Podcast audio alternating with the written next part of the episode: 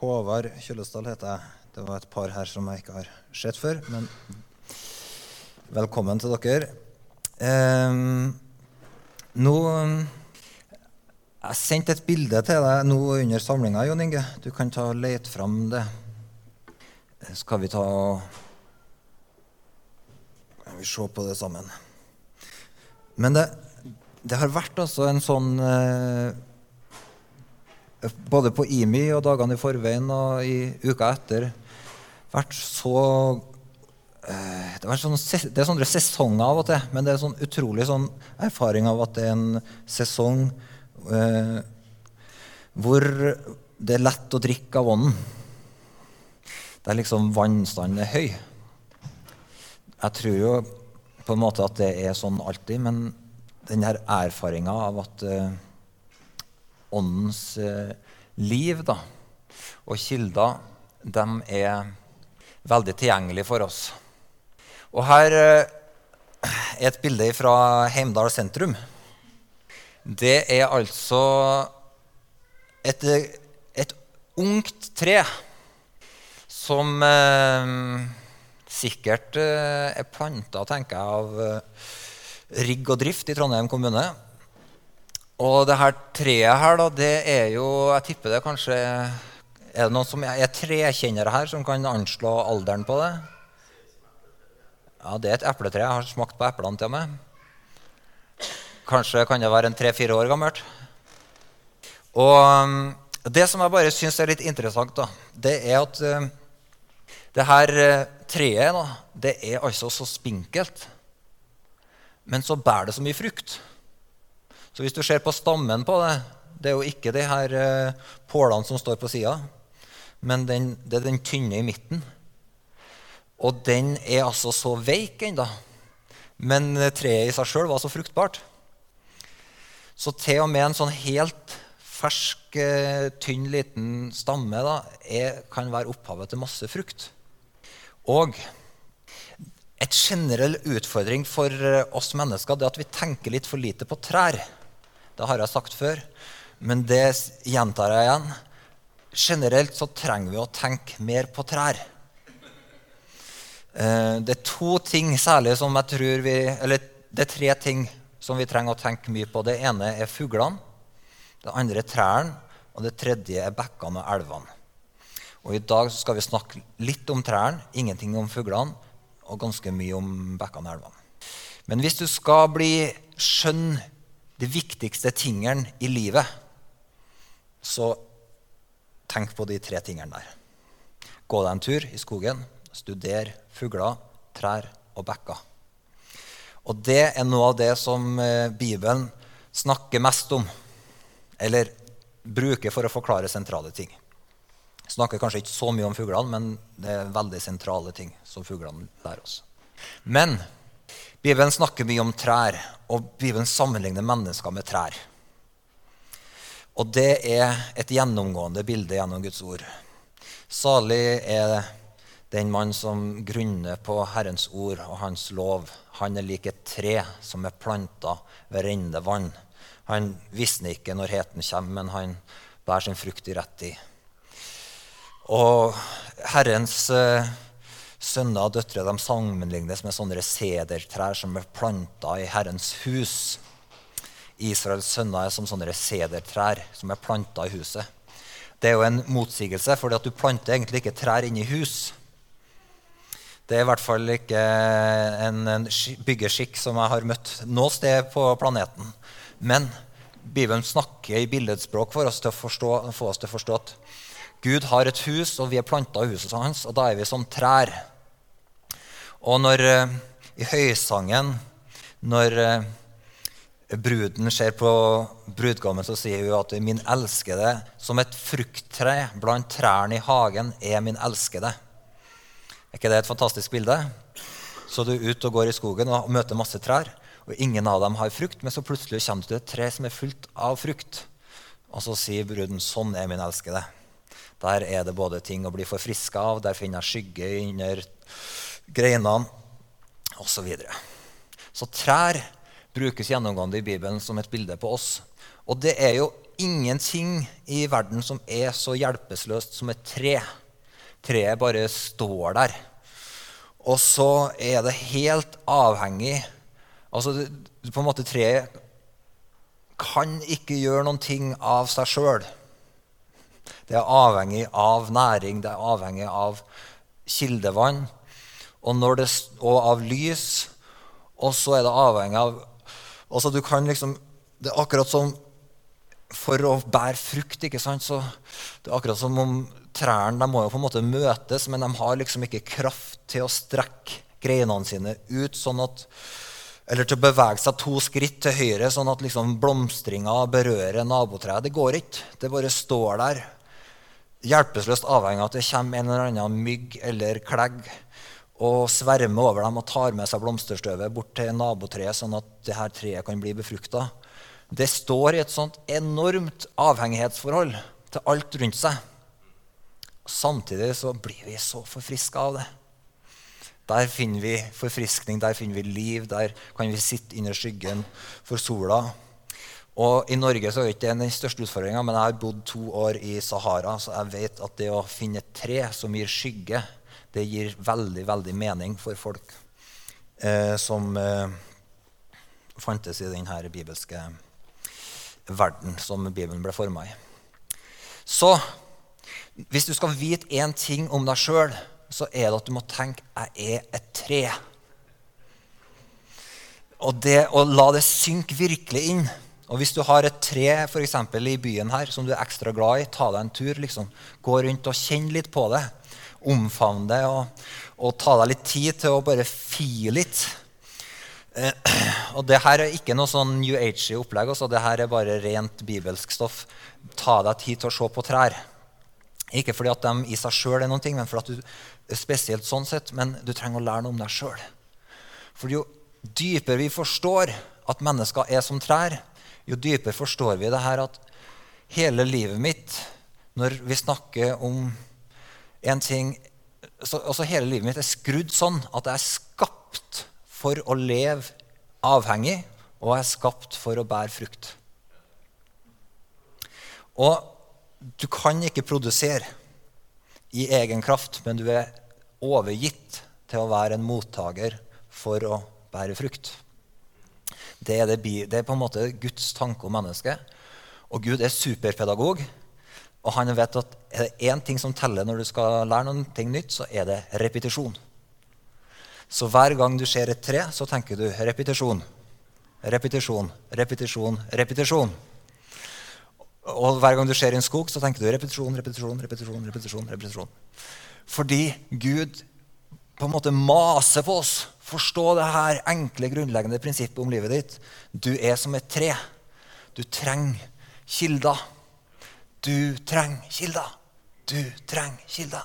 Du trenger kilder. Du trenger lys. Du trenger lys. Og når du har kilder, når du har lys, så av seg sjøl produserer treet frukt.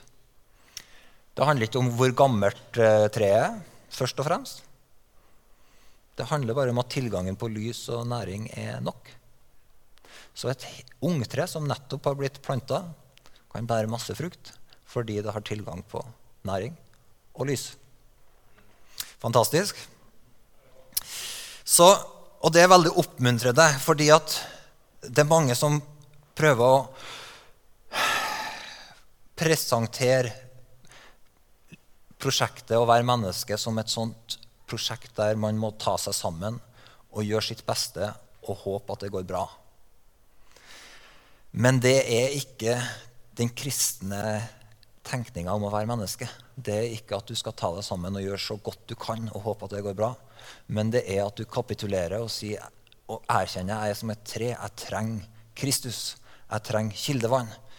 Jeg kan ikke produsere noen ting i meg sjøl. Samme hvor mye jeg tar meg sammen, jeg kan ikke bære frukt. Du bærer ikke frukt ved å ta deg sammen. Men hele nøkkelen er kilde ved livet, kildelivet, kildelivet. Så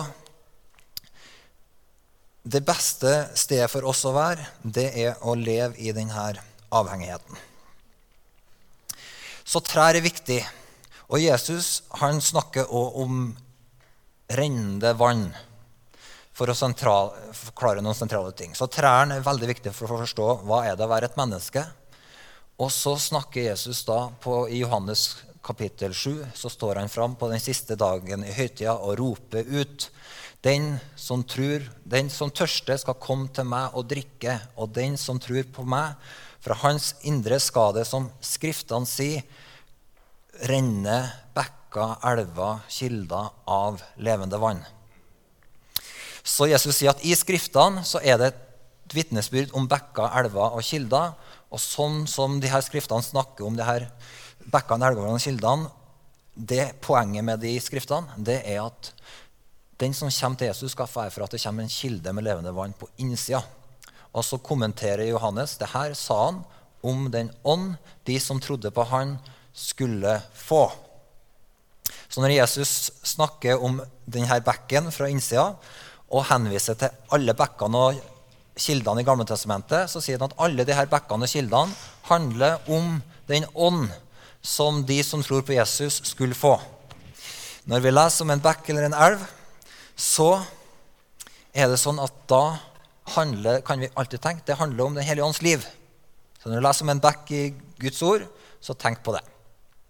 Og Nå skal dere få bli med meg på tre sånne bekk- og elveerfaringer. Så den første er at Det her har jeg fortalt før. Noen av dere har hørt det. Men jeg var med en kompis av meg i Hattfjelldalen for mange år siden. Det var en steikvarm sommerdag, og vi var høyt til fjells. Og så sier han, han har gått der helt siden barnsben, og så sier han til meg Håvard, og Da var vi liksom på høyfjellet. Så sier han Håvard, den bekken der, sjekk den. Bare prøv å drikke litt av den. Og så tok jeg og drakk litt av den. Og så, oh, wow. Det var sikkert nærma seg 30 grader i, i, skyggen. Og det var ste, sola steika, og det var krystallklart, tindrende, rent, friskt, nydelig, iskaldt vann. Og så sier han Var det godt? Ja, det er veldig godt. Bli med. Og så gikk vi fra nesten det høyeste punktet, så beveget vi oss oppover i terrenget. Og det var helt snøfjell. Og så, midt ut av fjellveggen oppå der, så kom det bare kom bekken rett ut av berget. Og når du drakk det vannet, det var bare helt legendarisk godt. Og jeg tenker, tankene mine det er faktisk sånn at tankene mine av og til går tilbake til den bekken. Jeg tenker, Det er nesten verdt å ta turen bare for å smake igjen den kilden. Jesus blir av Paulus omtalt som en klippe med levende vann. Og han sier at den israelsfolket, den klippen som fulgte dem i ørkenen, det var Kristus. Det skriver han i 1. Korinterbrev kapittel 10. Så Kristus er en klippe med levende vann. Så når Jesus sier den som tørste skal komme til meg og drikke, så er det vannet fra klippen han snakker om. Dette var ikke nytt for israelsfolket. De visste at når de var tørst i ørkenen, for, og folket vandra rundt der, så, kun, så sto de på en måte, det var helt tørt. Og så kom de til en fjellvegg, og så sier Herren tal til det her fjellet. Og så kommer det friske kildevannet ut. Så det her, når Jesus står fram og sier 'Kom til meg, den som tørster, skal ikke få drikke', så var det liksom Israelsfolket hadde en historikk der de kobla på det her. Han er klippen med det levende vannet. En annen historie det er Som sagt så bodde jeg to år i Sahara. Ved noen anledninger der så var Hvis man skulle campe på et nytt sted, så måtte man um, grave en brønn. Så jeg var, fikk se noen sånne grønngravinger. Og da graver du gjerne da i områder der det har vært uh, vann. Og så grav du nedover. Og så grav du helt til det begynner å piple vann inn fra sidene. Så da blir det god stemning. Så du har gravd, La oss si du har gravd 3-4 meter, og så begynner det å piple vann inn fra sidene. Men du stopper ikke da. Da fortsetter du å grave. For hvis du stopper da, så blir du stående bare med en sånn gjørmepytt. Men da må du grave enda lenger ned. Så står det å grave til du har liksom vann ganske langt opp. Og da flyter vannet fritt under der. Da strømmer det på inn. Og så kan du begynne å dra opp vannet, og jo mer du drar opp, jo renere og renere blir det her greiene her, for det bare kommer fram. Men bare husk på at når du graver en sånn brønn, ikke stopp å grave med en gang vannet begynner å komme. Fortsett å grave. Så den tredje vannhistorien min det er når vi eh, På denne tida av året, da, på høsten, når når eh, sommeren hadde vært litt tørr, gjerne, og bekkene hadde begynt å tørke ut, og så kom høstregnet igjen, så var det litt sånn ut. Og hva gjør man som er gøy med det her deilige høstregnet? Jo, man drar til bekken, og så lager man en demning. Så da var det litt liv igjen i bekkene i nabolaget der jeg vokste opp. Og da var vi som regel ute på litt sånn sene høstkvelder og bygde oss demning. Og da var det jo klart at det å bygge demningen i seg sjøl, det var ganske gøy. Men, og bygge den sånn at du kunne bli skikkelig blaut hvis du ramla uti. og sånn. Men det gøyeste det var jo da når liksom, vannet hadde steget, og du hadde liksom samla opp en, liksom et vannmagasin. da, Og så Du sprenger demningen. Ikke med dynamitt, men når du liksom da er tre-fire stykker som bare sier 'nå tar vi den', og så bare begynner du å kaste vekk steinene og jorda og torva og bladene og alt som du har bygd denne demningen med, og så bare kommer vannet. Så det er det tredje vannhistorien. så nå har jeg lyst at du skal tenke litt på det her tre historiene, så skal jeg bare si noen ting. For det at, Kanskje er du her, og så tenker du jeg har smakt kildevannet fra Gud. Og så har du blitt tørst. Og da er tida, for, da er tida for å fortsette å gå langs den bekken. Fortsett å følge det du har funnet. Fordi at når du drikker av den bekken, når du fortsetter å øse av det friske vannet, så kommer du til klippen, og det er Kristus. Og når du kommer til han og finner han og møter han, så erfarer du at du blir enda mer fylt av det her friske vannet, og at det friske vannet som du har begynt å drukke av, Jesus sier, 'Kom til meg, så skal jeg gi deg en kildevann på innsida'. Så det er noen som bare har smakt godt vann, men som enda ikke har opplevd at de har fått en kilde på innsida som veller fram til evig liv. Men til deg i dag da, så sier Den hellige ånd, fortsett å drikke, fordi at når du drikker av det du har smakt, som er godt, så kommer du til klippen som i Kristus. Og når du kommer til Han, så forløser han den samme kilden på innsida av deg. Og det er evangeliet. Det skjer ved korset, det skjer ved blodet, ved Jesu oppstandelse. Og ved at du tar imot evangeliet, så forløser Jesus en kilde på innsida. Og så er det noen som opplever at de har funnet en funnet kildevann, sånn som i denne brønngravinga, men at det vannet er ikke så rent som det skal være. Det, for, det, forfrisker deg ikke sånn som vann skal gjøre. Og Den hellige ånd sier til deg det er tid for å grave enda dypere. Ikke på en måte bli passiv og si 'Nei, jeg har smakt det her vannet, men det var ikke så godt som jeg trenger noe annet'. Nei, bli stående i gravinga. Grav enda dypere. Fortsett å søke Herren. Fortsett å komme til ordet hans, fortsett å innvie deg i bønn. Fortsett å søke Han og grav enda dypere. Fordi at når du gjør det, så vil du erfare at det her friske vannet begynner å strømme fritt. Og at vannstanden øker i livet ditt. Og når den gjør det, og det strømmer gjennom, så erfarer du at det vannet er friskt, og at det skitne vannet det forsvinner. Og så er det dem som bare er som et sånt vannmagasin, så du kjenner på innsida at det bare bobler på. Men det er ikke plass til mer vann her før demningen brytes. Og vannet får et utløp. Og det skal vi egentlig bruke resten av eh, denne eh, sesjonen på. Det er det her utløpet. Men fordi at det friske Jesus han sammenligner aldri åndens liv med en demning eller et stille vann. Han sammenligner det alltid med en bekk. Så det nøkkelen for fylden av åndens liv, det er ikke liksom å sitte og bare ta imot, men det er å leve som en bekk. Leve i gjennomstrømning. Og da er det sånn at Poenget på denne bekken det er ikke det at det er trøbbel med tilgangen på vannet. Men det er altså, Åndens fylde det er ikke liksom at du blir fylt opp som en tank. Men åndens fylde det er at elveleiet blir større. Ok? For ånden er som en bekk. Han er som en elv.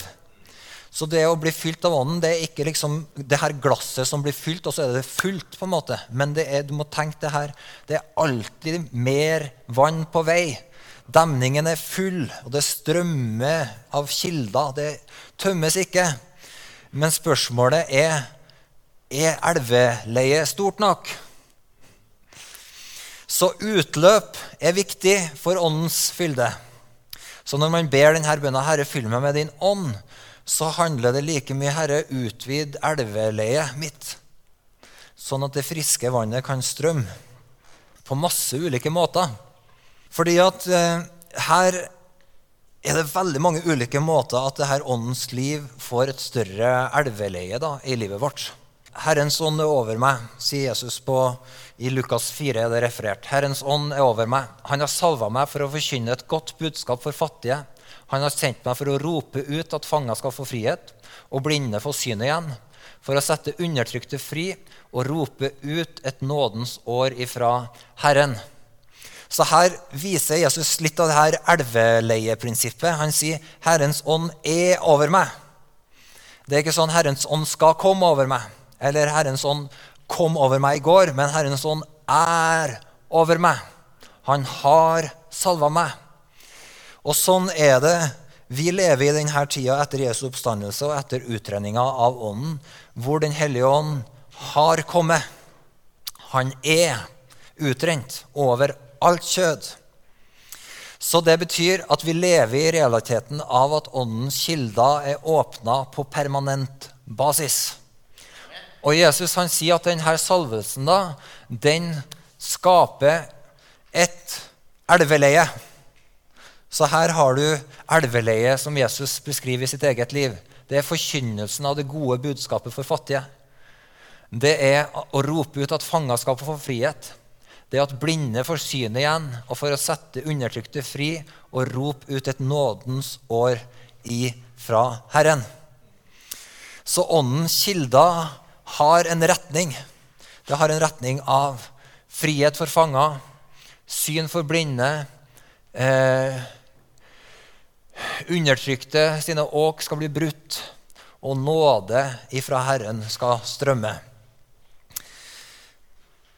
Så salvelsen fra Ånden i Jesus sitt liv, den ble aldri en sånn uh, Denne salvelsen ble aldri liksom, liksom oppbevart som i en sånn Jesus-container.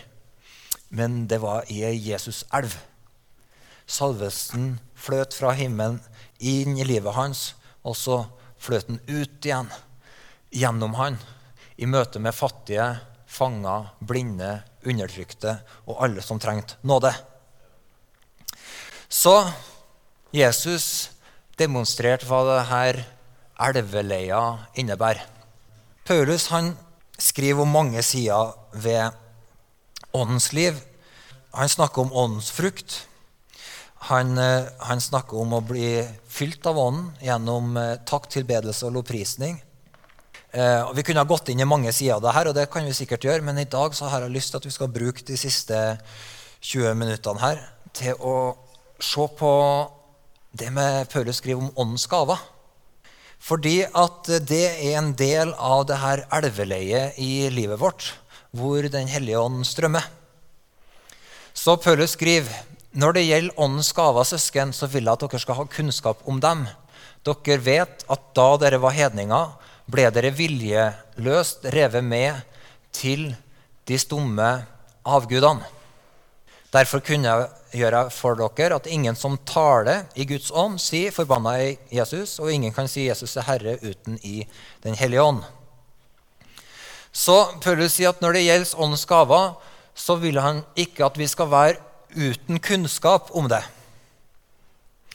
Så det betyr at en ting er at vi har en erfaring av Den hellige ånds liv, men Gud ønsker òg at vi skal forstå den erfaringa vi har. Så vi skal få ha kunnskap om det. Åndens gaver. Men det er en erfaring,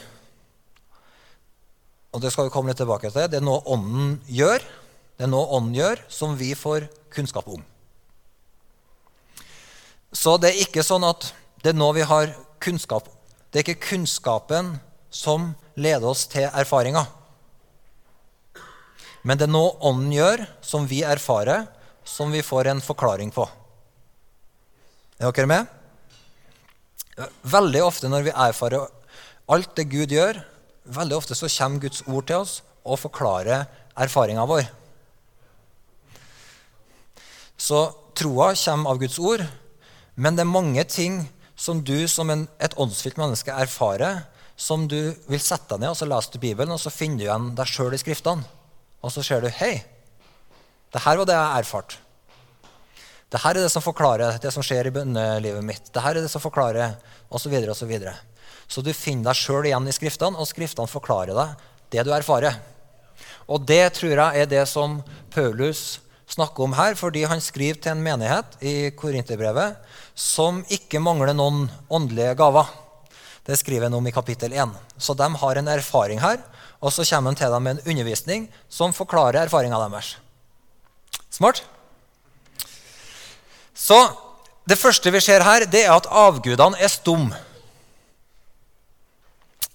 Og det å bli viljeløst revet med til de stumme avgudene, det betyr at alle andre guder enn vår Gud, de er stumme guder. Men Gud er motsetninga til de stumme avgudene. Så Gud er en gud som taler. Og den du tilber, den ligner du på. I Norge er det mange som tilber en sånn stum avgud. Si veldig lite.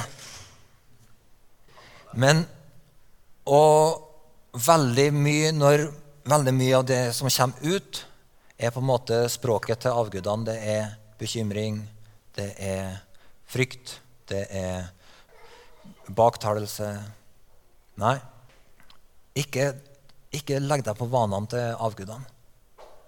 Ikke, ikke legg deg på en stumhetskultur der vi ikke sier noen ting. Der du holder tilbake alt av følelser, alt av tanker og meninger. Nei, nei, nei, sånn er avgudene. Ikke ha dialekter der, på en måte, men Gud er en Gud som taler. Og han er en som taler velsignelse, fred, liv, tro, oppmuntring. Så Gud taler, og han taler liv. Og den som taler i Guds ånd, han taler alltid òg sånn at evangeliet om Kristus kommer fram i lyset. Det er forskjellige nådegaver, men ånden er den samme. Det er forskjellige tjenester, men Herren er den samme. Det er forskjellige kraftige virkninger, men Gud er den samme. Han Eh, som er virksom og gjør alt i alle. Hos hver enkelt gir Ånden seg til kjenne, slik at det tjener til det gode. For ved én og samme ånd blir det gitt én å tale visdom, en annen å formidle kunnskap, en får ved den ene ånd en spesiell trosgave, og en annen får nådegaver til å helbrede, og en får kraft til å gjøre under. En får den gave å tale profetisk, en annen å bedømme ånder, en får ulike slag av tungetale, og en annen kan tyde tungetale. Alt dette gjør den ene og samme ånd, som deler ut sine gaver til hver enkelt slik han vil. Så det som vi må legge merke til i dette avsnittet, det er at eh, poenget til Paulus det er egentlig ikke så veldig mye I denne teksten så er det ikke så veldig mye vår funksjon. Men han snakker da om at her er det ånden som er den samme. Det er forskjellige nådegaver. Det betyr at vi har en ulik nåde, en ulik gave fra Gud. Vi er skapt forskjellig. Du har en styrke som andre ikke har. Men ånden er den samme. Det er forskjellige tjenester. Så det henspiller antageligvis på noe som han kommer tilbake til. Men Kristus, som det står, Herren er den samme. Kristus han er den som ga sine gaver. Og tjenestene til menigheten, apostlene, profetene, evangelistene, hyrdene og lærerne, for å utruste de hellige til tjeneste, sånn at Kristi kropp kunne bygges opp. Herren er den samme. Så du har nådegavene, og så har du tjenestene. Og så sier han det er forskjellige kraftige virkninger, altså ulike måter Gud ved sin ånd virker med kraft på imellom oss. Men Gud er den samme, han som er virksom og gjør alt i alle. Så hele, hvis du legger merke til teksten her nå, så hele tida er fokuset på hva Gud gjør, hva Den hellige ånd gjør. Så det er han som er virksom og gjør alt i alle. Og så fortsetter han å si hos hver enkelt gir ånden seg til kjenne, slik at det tjener til det gode. Så det er ånden som åpenbarer seg, det er ånden som ytrer, det er ånden som gir seg til kjenne. Og for ved en og samme ånd blir det gitt, så her er det fortsatt snakken om ånden, og så sier han, blir det gitt én og tale visdom. Så nå er vi inne på vår eh, bit igjen. sant? Det er ånden som virker, at én taler visdom. Og en annen å formidle kunnskap. En får ved den ene ånd en spesiell trosgave, en annen får nådegaver til å helbrede. Og så i vers 11.: Alt dette gjør den ene og samme ånd, som deler ut sine gaver til hver enkelt slik han vil. Så igjen, Paulus bare understreker liksom med to streker på slutten av avsnittet at det er den ene ånd som deler ut sine gaver sånn som han vil. Så, og Det er litt viktig for oss å forstå her. fordi at uh, når vi, ofte så, når vi tenker på åndens gaver og nådegavene sin funksjon i kroppen, så vi, blir vi fort litt sånn opp, veldig fort litt sjølfokusert. Eh, hvordan kan jeg virke i nådegaven min? på en måte? Men her er Paulus legger hele trykket på hva er det Den hellige ånd holder på med. Husker dere epletreet på Heimdal, eller? Husk på trær! Husk trær! sånn er det. Åndens liv, det er ånden som er virksom. Åndens gaver, det er ånden som er virksom. Og det betyr at vi erfarer en virksom ånd i livet vårt. Som gjør at hos hver enkelt gir ånden seg til kjenne, slik at det tjener til det gode. Og da er erfaringa vår at vi lever et liv med Den hellige ånd, som der han virker på ulike måter i livet vårt. Og så kan vi gjennom å se litt på de her eh, skriftene og sånn, så kan vi få kunnskap om Åndens gaver og hjelp til å forstå hvordan kan vi samarbeide med Den hellige ånd. All right? Så her sier han Han snakker om å tale visdom som en av måtene Den hellige ånd uttrykker seg på. Og jeg har tenkt at når Paulus lister jo egentlig bare opp ulike uttrykk for åndens gaver i dette avsnittet i Korinterbrevet. Men eh, det gode er at vi har fire evangelium og apostelgjerningene som viser oss hvordan Den hellige ånd opererte gjennom Kristus og gjennom Kristi kropp i den første menigheten så vi har ikke bare lista til Paulus om eh, de åndelige gavene, men vi kan òg se hvordan det her kom til uttrykk i Kristus og i den første menigheten. Er ikke det bra? Så jeg tenkte vi bare skal se kjapt på tre-fire av dem nå. Er dere med på det? Så her har vi det her med å tale visdom. Og La oss se på et eksempel fra Jesu liv som eh, antageligvis eh, denne gaven er i funksjon. En dag mens han underviste folket på tempelplassen og forkynte det gode budskapet, kom overprestene og de skriftlærde sammen med de eldste fram til han og spurte si oss, med hvilken fullmakt gjør du det her? Hvem er det som har gitt deg denne fullmakta? Jesus svarte, jeg har også noe å spørre dere om. Si meg, Johannesdåpen, var den fra himmelen eller fra mennesker? De råslo med hverandre og sa, om vi svarer fra himmelen, vil han si, hvorfor trodde dere han da ikke? Men om vi svarer fra mennesker, da kommer hele folket til å steine oss. for de er overbevist om at Johannes var en profet. Så svarte de at de ikke visste hvor Johannesdåpen var fra. Jesus sa til dem, så sier heller ikke jeg til dere med hvilken fullmakt jeg gjør det her. Genialt! Så her er Jesus i en situasjon hvor fariseerne og overprestene og de skriftlærde kommer sammen med de eldste. altså Hele maktapparatet kommer til en. Og de kommer med én hensikt. Det er for å få han til å si noe som gjør at de kan arrestere han. Legge hånd på. Og så er det tusen ting han kunne ha svart. Og han kunne ha sagt veldig eh, Han kunne ha sagt som sant er. Hvem er det som gir deg denne fullmakta? Han kunne ha sagt den Gud som er Abrahams Gud. Han har sett meg. Jeg er den jeg er. Men så kommer Den hellige ånd over og så gir han en Nei, men still dem det her enkle spørsmålet. Og så ikke bare setter han dem fast, men han avslører motivene deres. Fordi det eneste de var opptatt av, det var makt og posisjon og folket sin, posisjonen sin i forhold til folket og i forhold til myndighetene og det romerske styremyndighetene. Det var det eneste agendaen deres. De var ikke ute etter Guds rike. Det var ikke et oppriktig spørsmål.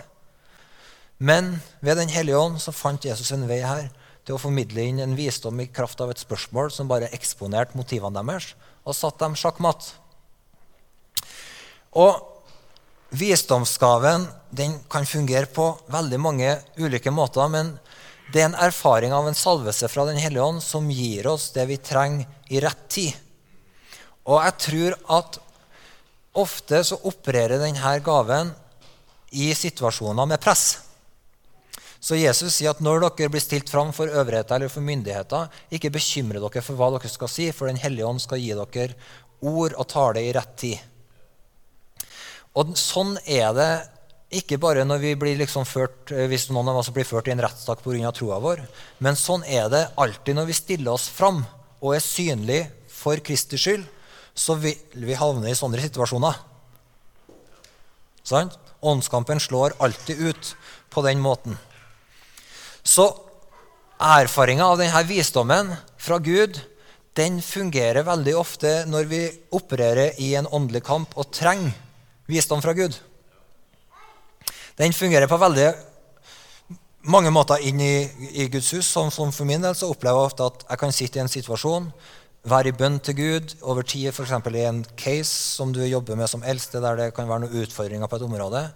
Og så er erfaring av at du søker Gud, du leser Skriftene. Du finner egentlig ikke noe sånn opplagt rett eller galt, men så finner du, opplever du bare at i, når situasjonen der det kreves, så kommer Den hellige ånd, og så finnes det en vei fra Gud. Det er en visdomsgave som er i funksjon. Det kan være foreldre som står i oppdragelsessituasjoner med tenåringen sin. Og så er du i situasjonen, og så opplever du her her er krevende. Eh, hvordan skal følelsene i fritt eh, spillerom? Hvordan skal jeg være mamma eller pappa i denne situasjonen? Du har lyst til å bare smelle tilbake, f.eks., men så finner du nåde fra Gud og en visdom til å bare bringe gjennom Guds vilje.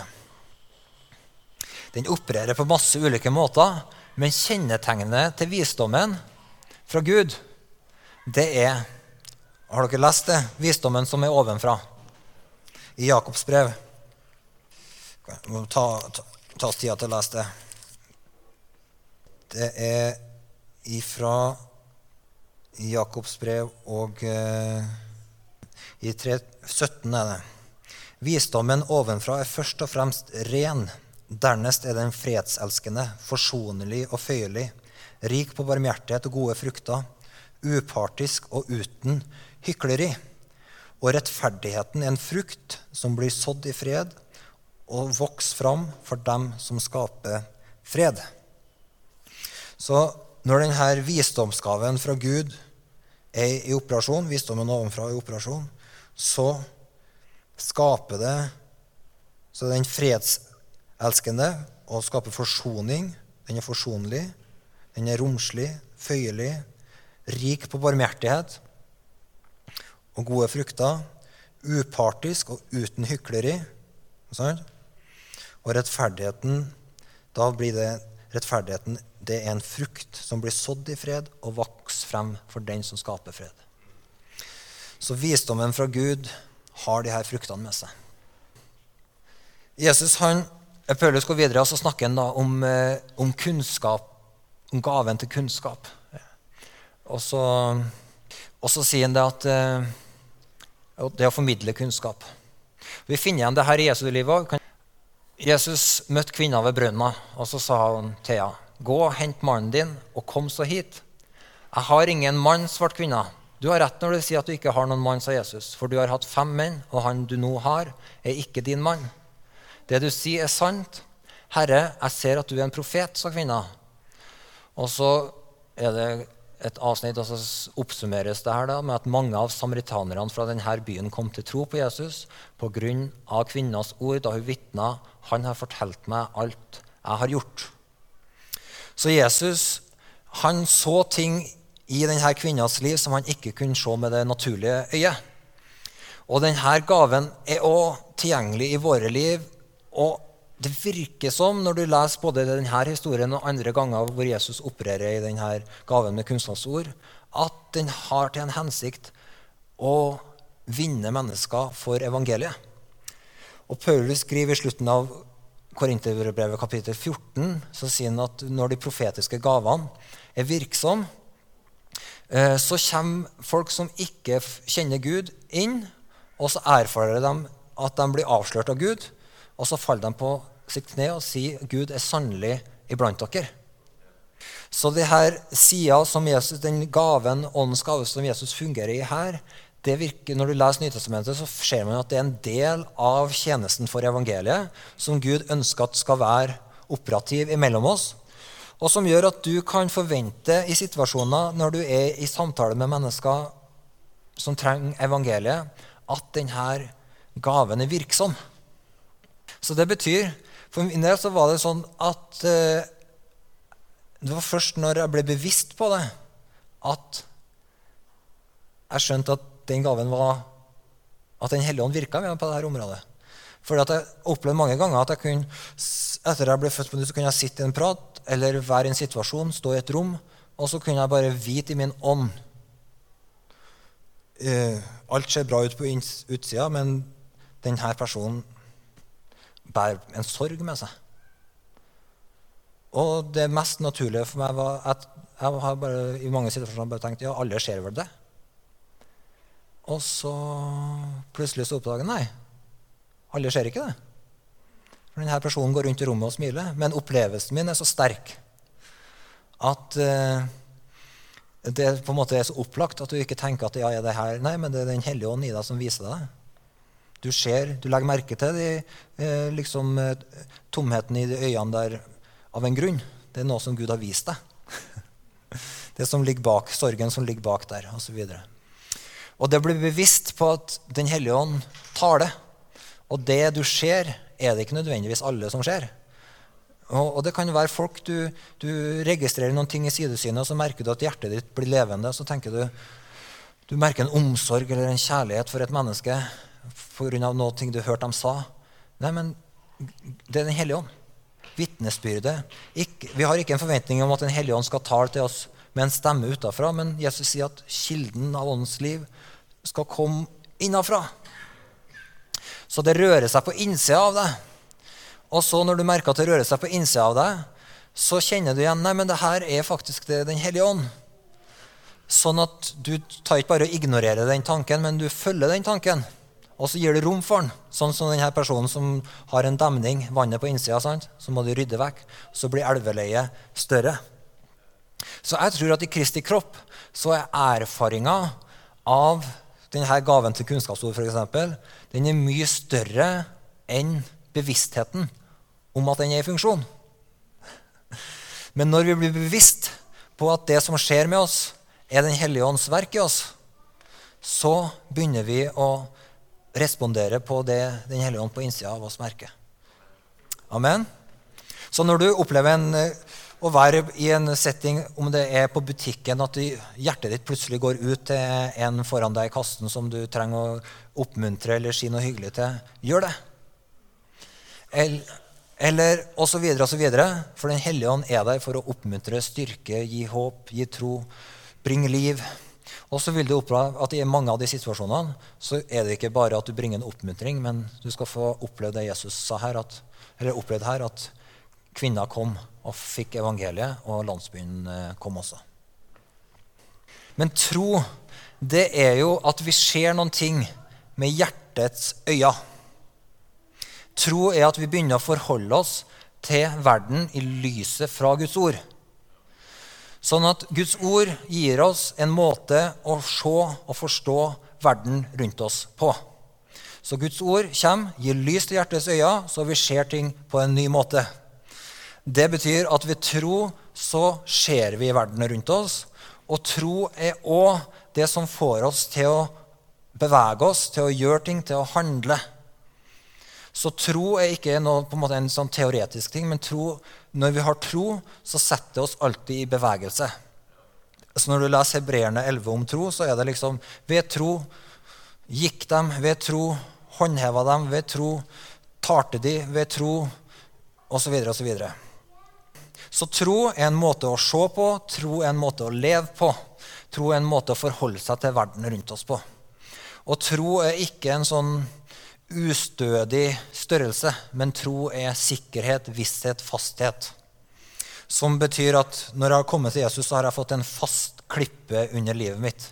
Jeg vet at jeg hører Kristus til. Jeg vet at evigheten min er sikra med Han. Jeg vet at korset, blodet på korset var for mine synder. Det er ikke en sånn Troa tar meg inn i å leve. Det forandra samvittigheten min, det forandra livet mitt. Det har gitt meg en ny måte å se på meg sjøl på. Og så, videre. så troa er visshet. Og så snakker da Guds ord om en særskilt gave til tro, eller en spesiell trosgave ved den samme ånd. Så det betyr at det ene er jo at Gud gir oss tro. Det er en gave fra Gud. Det å kunne tro på evangeliet er noe som Gud gir oss. Men så snakker Paulus om at det er òg en særskilt gave til tro. Og da, Nå kan vi ta teksten her. Herrens ord ble spredt over hele området, men jødene fikk hissa opp de fornemste blant de gudfryktige kvinnene og de fornemste mennene i byen, og de fikk i gang en forfølgelse av Paulus og Barnabas, som ble jaga bort fra området. Da rista de støvet av føttene mot dem og dro til Inkonium. Men disiplene ble fylt av glede og Den hellige ånd. Ja, hva har det her med troens gave å gjøre? Jo, disiplene ble fylt av glede og Den hellige ånd. Forfølgelsen var stor. Disiplene ble spredt. Alt gikk imot dem. Responsen deres var de ble fylt av glede og Den hellige ånd de ble gitt å se i denne situasjonen, så ble det de så, det var evangeliet går fram. Denne kampen det er fordi vi holder på å vinne seier. Jesu verk bryter gjennom. Responsen deres var en respons i tro. De gleda seg og ble fylt av glede og Den hellige ånd. Tro er bl.a. å kunne glede seg i Herren når alle omstendigheter går imot. Og veldig ofte så kan du erfare at du får en gave til tro i press. Situasjoner med press. Men troens gave er òg ment for å sette oss i bevegelse. Så det betyr at av og til så vil du, når det står at noen får en spesiell gave til tro, så betyr det at du kan få et mål av tro fra Gud som ikke de andre i menigheten har like sterkt. Men det betyr ikke at du skal på en måte se deg rundt og tenke hvordan kan jeg liksom bli så gjennomsnittlig, på en måte leve sånn at jeg blir på en måte jeg gjenspeiler snittet av trosnivået i denne menigheten. Nei, nei, nei. Du er ikke kalt til det.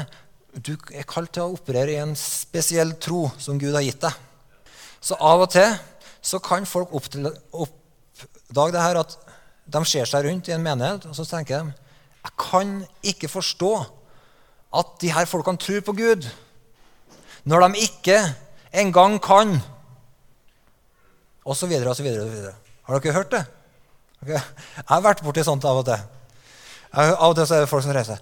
Jeg, jeg, jeg hører av og til bønnefolk som sier jeg kan ikke forstå at kristne ledere som tror på Gud, ikke kan bruke fire timer i uka til bønn sammen for byen. Så tenker jeg ja, det kan jeg forstå. Men jeg tror òg du har en gave som du trenger å bruke.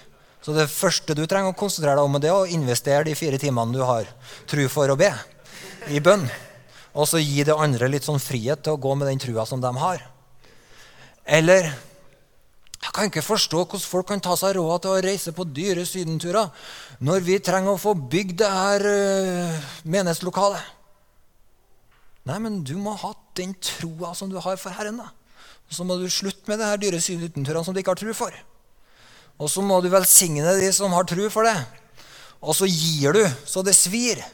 Kanskje så vekker du litt tro i dem rundt deg når du kan begynne å dele vitnesbyrdene om hvordan Herren velsigner deg i kjølvannet av det. Men bruk nå den gaven med tro som Gud har gitt deg. Og her eh, tror jeg vi trenger også bare forstå det at når du opplever et mål av tro på et område, og du vet, du vet at du vet i hjertet ditt at dit skal jeg det skal jeg gjøre. Det her har Gud gitt meg. Det her skal jeg være med på. Det her skal jeg se. Jeg har sett ting med mitt indre øye som jeg vet at jeg skal få være med på, som jeg ikke forteller til noen. Og det har helt sikkert du òg. Fordi du har møtt Den hellige ånd, så har du sett ting med det indre øyet ditt som du vet det her er jeg kalt til å være med på. Det her, jeg, det her, skal jeg se. Gud har vist meg det. Og du lever for det. Du, men slapp av. Alle trenger ikke å se det samme. Fordi at ved Den hellige ånd så gir han en særskilt gave til tro. Men vet dere, av og til så kan Den hellige ånd komme over en hel flokk med tro til å gå inn i nye ting. Og bare ta folk samla inn i en nytt nivå av et område. Det er spennende. Jeg tror at Den hellige ånd akkurat nå imellom oss holder på å forløse trosgavene til å og, og, troen og frimodigheten til å formidle evangeliet. Og at det her vitnesbyrdene om hva Gud gjør i menneskene sitt liv rundt oss, kommer til å øke hele, ikke bare et personlig trosnivå hos Mats når han er på gata i dag, eksempel, men det kollektive trosnivået, som vil gjøre at mange av oss som sitter her nå, om eh, tre måneder så vil vi gjøre ting i tro til Gud som den mest selvfølgelige ting i verden, som vi ikke gjør i dag. Fordi at den kollektive gaven av tro, målet av tro, øker på imellom oss.